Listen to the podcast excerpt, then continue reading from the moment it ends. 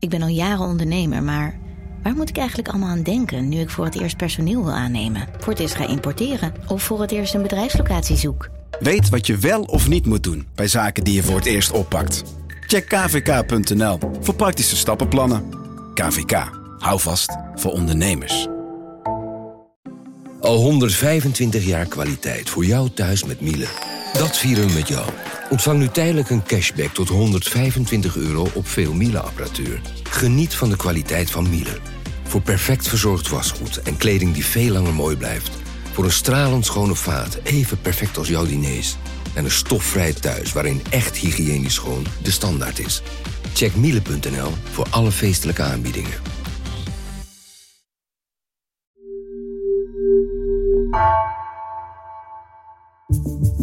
Vanaf de redactie van NRC het verhaal van vandaag. Mijn naam is Egbert Kalsen.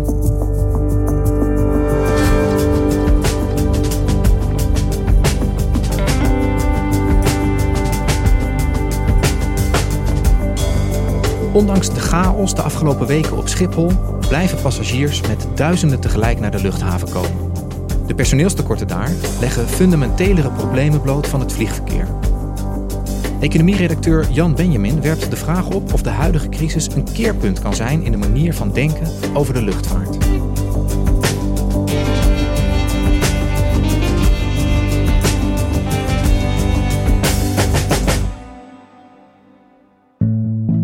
De meivakantie op Schiphol was een chaos. Voeterende en zelfs vechtende passagiers. Brandweermannen die waterflesjes uitdelen. Gemiste vluchten, marechaussee. Die overwerkte beveiligers te hulp moet schieten om een menigte passagiers in toom te houden. Absurd lange rijen voor de incheckbalies. Ongekende tafereelen op de nationale luchthaven. Met tienduizenden gedupeerde reizigers als gevolg. En dan moet de grootste zomerdrukte dus nog komen. Jan, welkom. Jij volgt voor de kranten transportsector. En uh, nou, het is bijna onvermijdelijk dat je hier nu zit, want we gaan het hebben over Schiphol. Dat is nogal in het nieuws uh, de afgelopen weken. Uh, het lijkt wel alsof alle problemen rond die luchthaven op dit moment zo'n beetje samenkomen. Kan jij eens vertellen, wat is daar nou aan de hand? Ja, dat is eigenlijk een vraag waar je heel veel antwoorden op kan geven. Maar als we beginnen met het acute probleem. Op dit moment, dat zijn natuurlijk de lange rijen die je overal ziet. Die, de lange rijen die je ziet in alle vertrekhallen op uh, Schiphol. Er staan heel veel mensen, oudere mensen, zwangere kinderen, staan uren in de rij voor hun vlucht. En dan ja, mis je je vlucht soms. En dat is natuurlijk heel vervelend. En dat probleem, dat mensen lang moeten wachten, vooral voor de security, heeft alles te maken met het personeelstekort op de luchthaven. Waar komt dat personeelstekort nou vandaan? Hoe kan dat nou ineens zo acuut zijn daar? Het is acuut en dat heeft alles te maken met de COVID-crisis, de uitwassen van de pandemie. Maar het heeft ook te maken met de manier waarop Schiphol wordt gerund.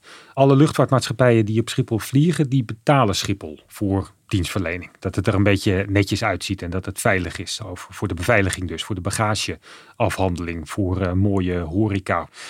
En Schiphol die doet dat niet allemaal zelf. Die heeft al die zaken uitbesteed aan weer andere bedrijven. Het idee van de marktwerking uh, is natuurlijk dat het goedkoper is. Bedrijven concurreren met elkaar over de prijs waarvoor ze personeel en diensten kunnen leveren. Schiphol zegt wij hebben hier een pakketje beveiliging van Terminal X of uh, vertrekhal Y. Voor hoeveel euro kunnen jullie dat gaan doen de komende tijd. En dan kunnen bedrijven daarop intekenen. Die marktwerking, zou je kunnen zeggen, zegt de vakbond eigenlijk ook al langer is doorgeschoten. Het personeel van uh, sommige van die bedrijven, met name de bagageafhandeling, wordt al uh, langer onderbetaald. Ze werken onder slechte arbeidsomstandigheden. Nou ja, je kent de verhalen misschien van uh, elders in de media. op handen en voeten kruipen mensen in de buiken van vliegtuigen om onze koffers aan boord van die vlucht naar een zonnige oord te sturen. De werkdruk is heel erg hoog. Wanneer je in het ruim zit van het vliegtuig, dat is uh, nog geen 75 centimeter hoog, dan moet je echt op je knieën boven je schouders tillen. Uh, je voelt het aan je schouders, je voelt het aan je rug. De werkdruk is zo hoog geworden dat we 11 à 1200 koffers op een dag per persoon moeten tillen. En dat is gewoon niet te doen. Nou, dat was al langer zo, maar daar kwam de pandemie bovenop. Daar kwam de coronacrisis bij. En veel van die bedrijven die personeel leverden aan Schiphol zaten van de een op de andere dag, toen het vliegverkeer stilviel, uh, zonder werk. En die hebben heel veel mensen ontslagen. Luchthavenbedrijf Schiphol Group schrapt honderden banen als gevolg van de coronacrisis. Door de reisbeperkingen bleven miljoenen passagiers weg. Maar eigenlijk werd altijd wel gezegd dat komt wel weer goed. Mensen willen graag weer reizen. Maar ja, er zijn dus nog steeds minder mensen of te weinig mensen die op de luchthaven willen werken. Dat komt uh, doordat er heel veel mensen zijn ontslagen. Die zijn andere banen gaan uh, zoeken, hebben die gevonden. je kan op heel veel plekken terecht als je beveiliger bent. En dan hoef je niet per se op die hele stressvolle plek als Schiphol te gaan werken. Waar mensen de afgelopen tijd op de vuist gingen omdat ze hun vluchten dreigden te missen.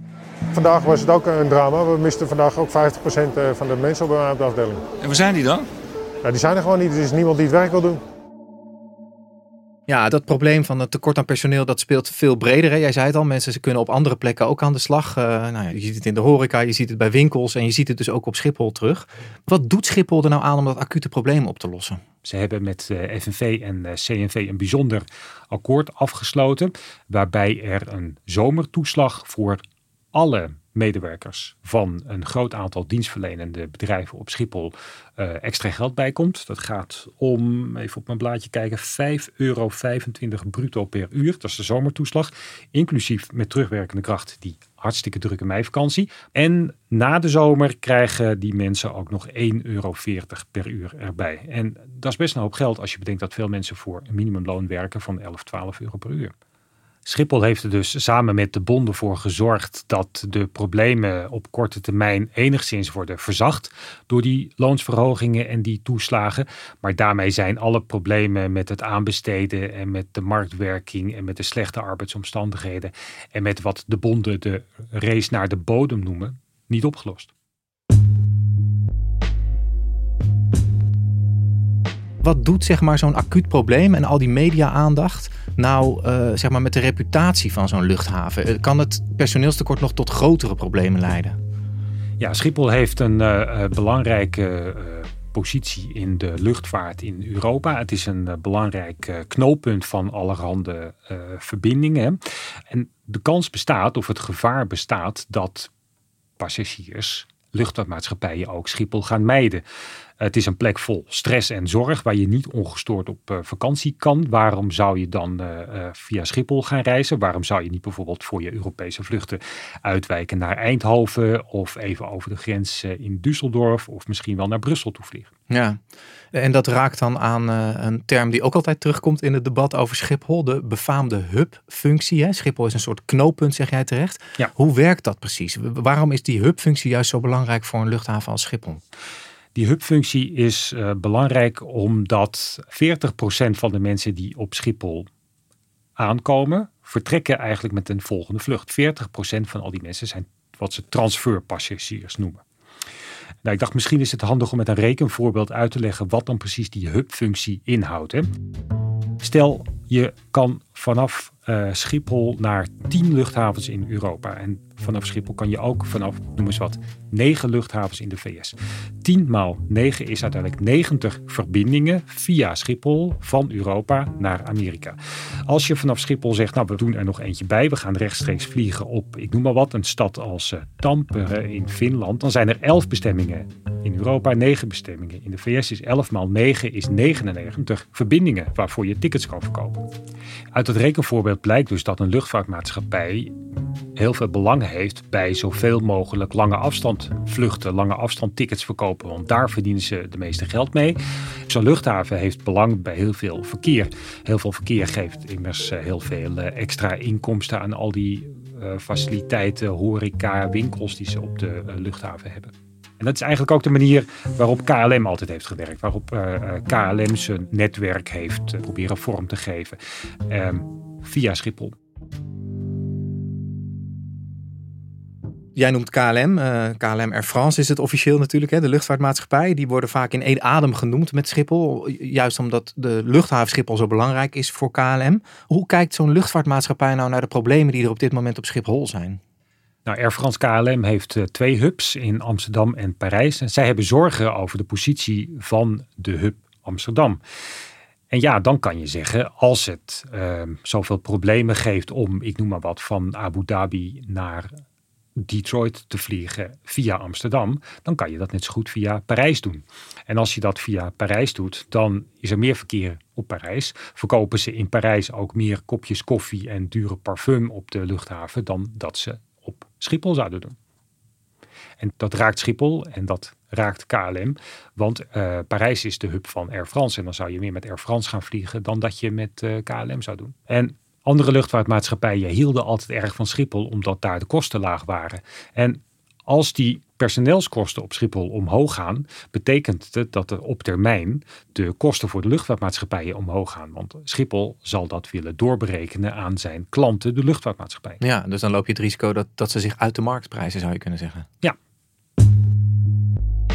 en stel dat dat gebeurt, hè, dat Schiphol zo duur wordt dat ze die positie als middelpunt van Europa uh, kwijt zouden raken, of althans voor een deel kwijt zouden raken. Hoe erg is dat? Dat hangt heel erg af van aan wie je het vraagt. Als je het aan de luchtvaartmaatschappijen vraagt, dan zullen ze dat erg vinden. Maar ook bijvoorbeeld de VVD zegt dat is heel erg. Want Schiphol heeft internationaal aanzien. Het biedt ook veel werkgelegenheid. Duizenden mensen zijn voor hun baan afhankelijk van de luchtvaart, van Schiphol. Hoeveel duizend is altijd onderwerp van discussie. Dat zie je altijd in de Tweede Kamer terugkomen. De VVD noemt 300.000. De linkse oppositie, de critici op de luchtvaart, zeggen dat het om veel minder banen gaat. Desalniettemin werken er veel mensen. Dat verlies je dus als uh, Schiphol zou moeten inkrimpen. Of daar verlies je een deel van. En dan hoor je ook altijd het woord vestigingsklimaat vallen. De aantrekkelijkheid van de BV Nederland. Of wil je als bedrijf hier in Nederland je gaan vestigen, is het belangrijk dat je rechtstreeks overal heen kan vliegen. Dus is Schiphol van belang voor de bereikbaarheid van Nederland.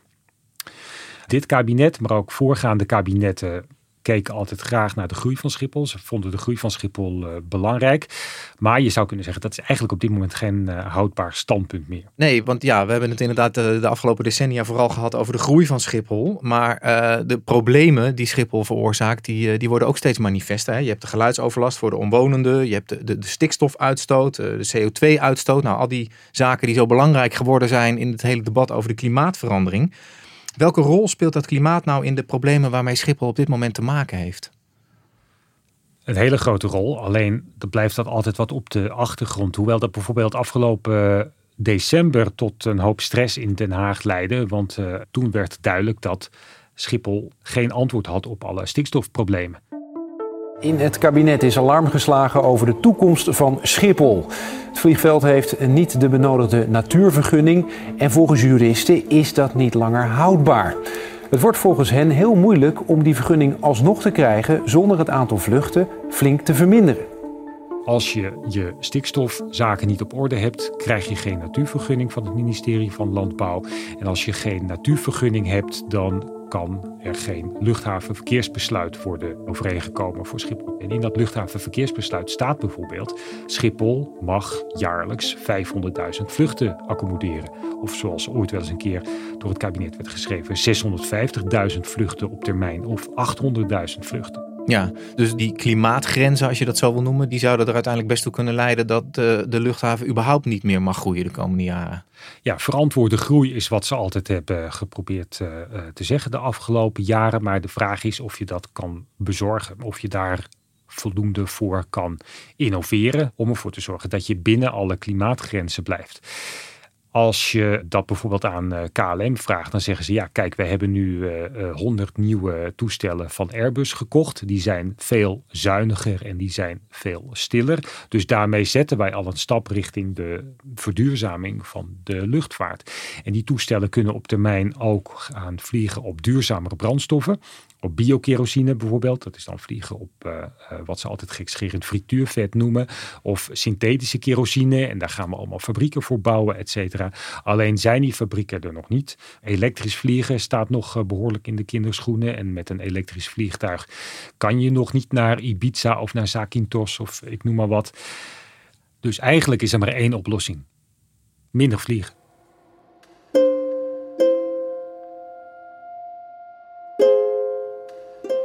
Jij volgt die transportsector en ook die luchtvaartsector al een tijd. Um, je zou ook, als je het van de andere kant benadert, kunnen zeggen: dit zou best wel eens een keerpunt kunnen zijn waarin we misschien structureel iets gaan veranderen aan de manier waarop we ons over de wereld voortbewegen. Moet dit niet het startpunt van een hele andere discussie zijn over de luchtvaart? Ja, een keerpunt in ieder geval in het denken over personeel, over arbeidsomstandigheden op Schiphol. Dat is natuurlijk belangrijk, want als je luchtvaart wilt, kan dat alleen maar op een veilige, verantwoorde en voor medewerkers op Schiphol een verantwoorde manier. Je kan natuurlijk ook gaan nadenken over andere manieren van transport. Inderdaad, als je bedenkt dat Londen de populairste bestemming is vanaf uh, Schiphol, er wordt het meest gevlogen naar alle vliegvelden rond en in Londen. Kan je ook zeggen, als we ervoor zorgen dat we die verbinding eruit halen uit het bestemmingenaanbod en zeggen dat we veel meer met de trein naar Londen gaan. Dat is ook nog lang niet altijd makkelijk, want die treinen hebben ook hun eigen problemen en er valt er nog wel eens eentje uit en er is nog wel eens vertraging. Maar neem je de trein vanaf Amsterdam, dan sta je ook meteen wel direct in het centrum van Londen. Dus dat heeft ook wel degelijk een uh, meerwaarde. Ja, en de prijs is dan ook nog volgens mij vaak een issue. Hè? Vliegen is nog steeds goedkoper volgens mij dan met de trein. Daarom zeggen de tegenstanders van de luchtvaart ook dat komt onder meer doordat de luchtvaart altijd allerlei uitzonderingen heeft weten te bedingen. Minder of weinig belasting op kerosine bijvoorbeeld. En dat betekent uh, dat eh, de luchtvaart altijd veel goedkoper zijn tickets heeft kunnen aanbieden dan eigenlijk zou moeten. Europa gaat er wel wat aan doen. De Europese Commissie heeft ambitieuze plannen ontvouwd in wat ze dan het Fit for 55 pakket noemen. Om 55% van de, de uitstoot terug te dringen in 2030. Onderweg naar 2050 om volledig emissievrij te zijn. En daar zit de luchtvaart ook in. Daar wordt de luchtvaart ook wel meer belast dan nu naar RATO. Dat zijn allemaal belangrijke afwegingen die de komende tijd uh, meespelen in het debat over Schiphol. Uh, jij volgt ook de politieke kant van dit dossier. Hoe wordt er nou in Den Haag zeg maar, aangekeken? Wat moeten nou de gevolgen zijn van het debat wat wij hier hebben voor de luchthaven? In Den Haag, in de luchtvaartnota, die is opgesteld door het vorige kabinet, voor de coronacrisis nog, werd al gezegd: wij moeten niet alleen kijken naar de bereikbaarheid en de veiligheid van de luchtvaart in Nederland, maar ook naar de duurzaamheid en ook naar de leefbaarheid, naar het uh, verbeteren van de leefomgeving rond uh, de luchthaven. Dus minister Harbers van uh, Infrastructuur en Waterstaat heeft nu afgelopen week in de Tweede Kamer gezegd tijdens een luchtvaartdebat met alle Kamerwoordvoerders dat hij na de zomer komt met een plan voor aanscherping van de luchtvaart. En daarbij heeft hij wel gezegd: het betekent waarschijnlijk dat Schiphol een duurdere luchthaven wordt. Dus dat Schiphol minder aantrekkelijk wordt voor al die luchtvaartmaatschappijen die voor een dubbeltje op de eerste rang Schiphol als transferhub gaan gebruiken. Maar wat dat precies in brede zin betekent en of het kabinet een antwoord gaat geven op de vraag welke luchtvaart willen wij in Nederland, welke luchtvaart vinden wij adequaat en passend voor de Nederlandse maatschappij, voor Nederland. Dat is nog onduidelijk. Ja, en leidt dit alles er dan ook toe dat er inmiddels op een andere manier naar het debat over Schiphol gekeken wordt in de Tweede Kamer? Ik bedoel, waar we het net over hadden, je zou kunnen zeggen, Schiphol zou best een deel van die hubfunctie mogen verliezen om bijvoorbeeld die klimaatdoelen dichterbij te brengen. Ja, wat je ook ziet, de rol van de regionale luchthavens is interessant daarbij. De regionale luchthavens werden altijd als een soort van marginale uh, luchthavens, marginale vliegvelden beschouwd. Maar al die luchthavens, Eelde ook, steken nu hun vinger op en zeggen: kijk, de problemen die nu spelen op Schiphol, die kan, kunnen wij ook helpen oplossen. Maar tegelijkertijd verplaats je daarmee natuurlijk wel alle uitstoot en overlast. Mensen in uh, Maastricht die op 140 meter van de start- of landingsbaan wonen, zullen er niet blij zijn als er meer vakantievliegtuigen over hun hoofd komen. Nee, want dat gaat nog steeds uit van dat vliegen toch de meest geëigende manier is om op vakantie te gaan. Ja, bijna dat een vliegvakantie een grondrecht is. Jan, dankjewel voor je verhaal. Graag gedaan.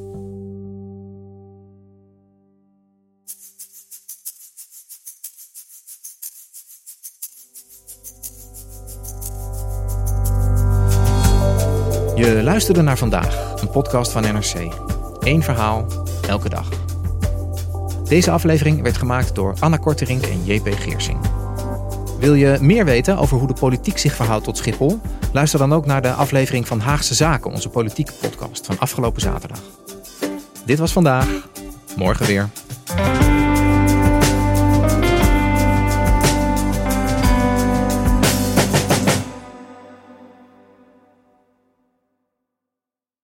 Technologie lijkt tegenwoordig het antwoord op iedere uitdaging.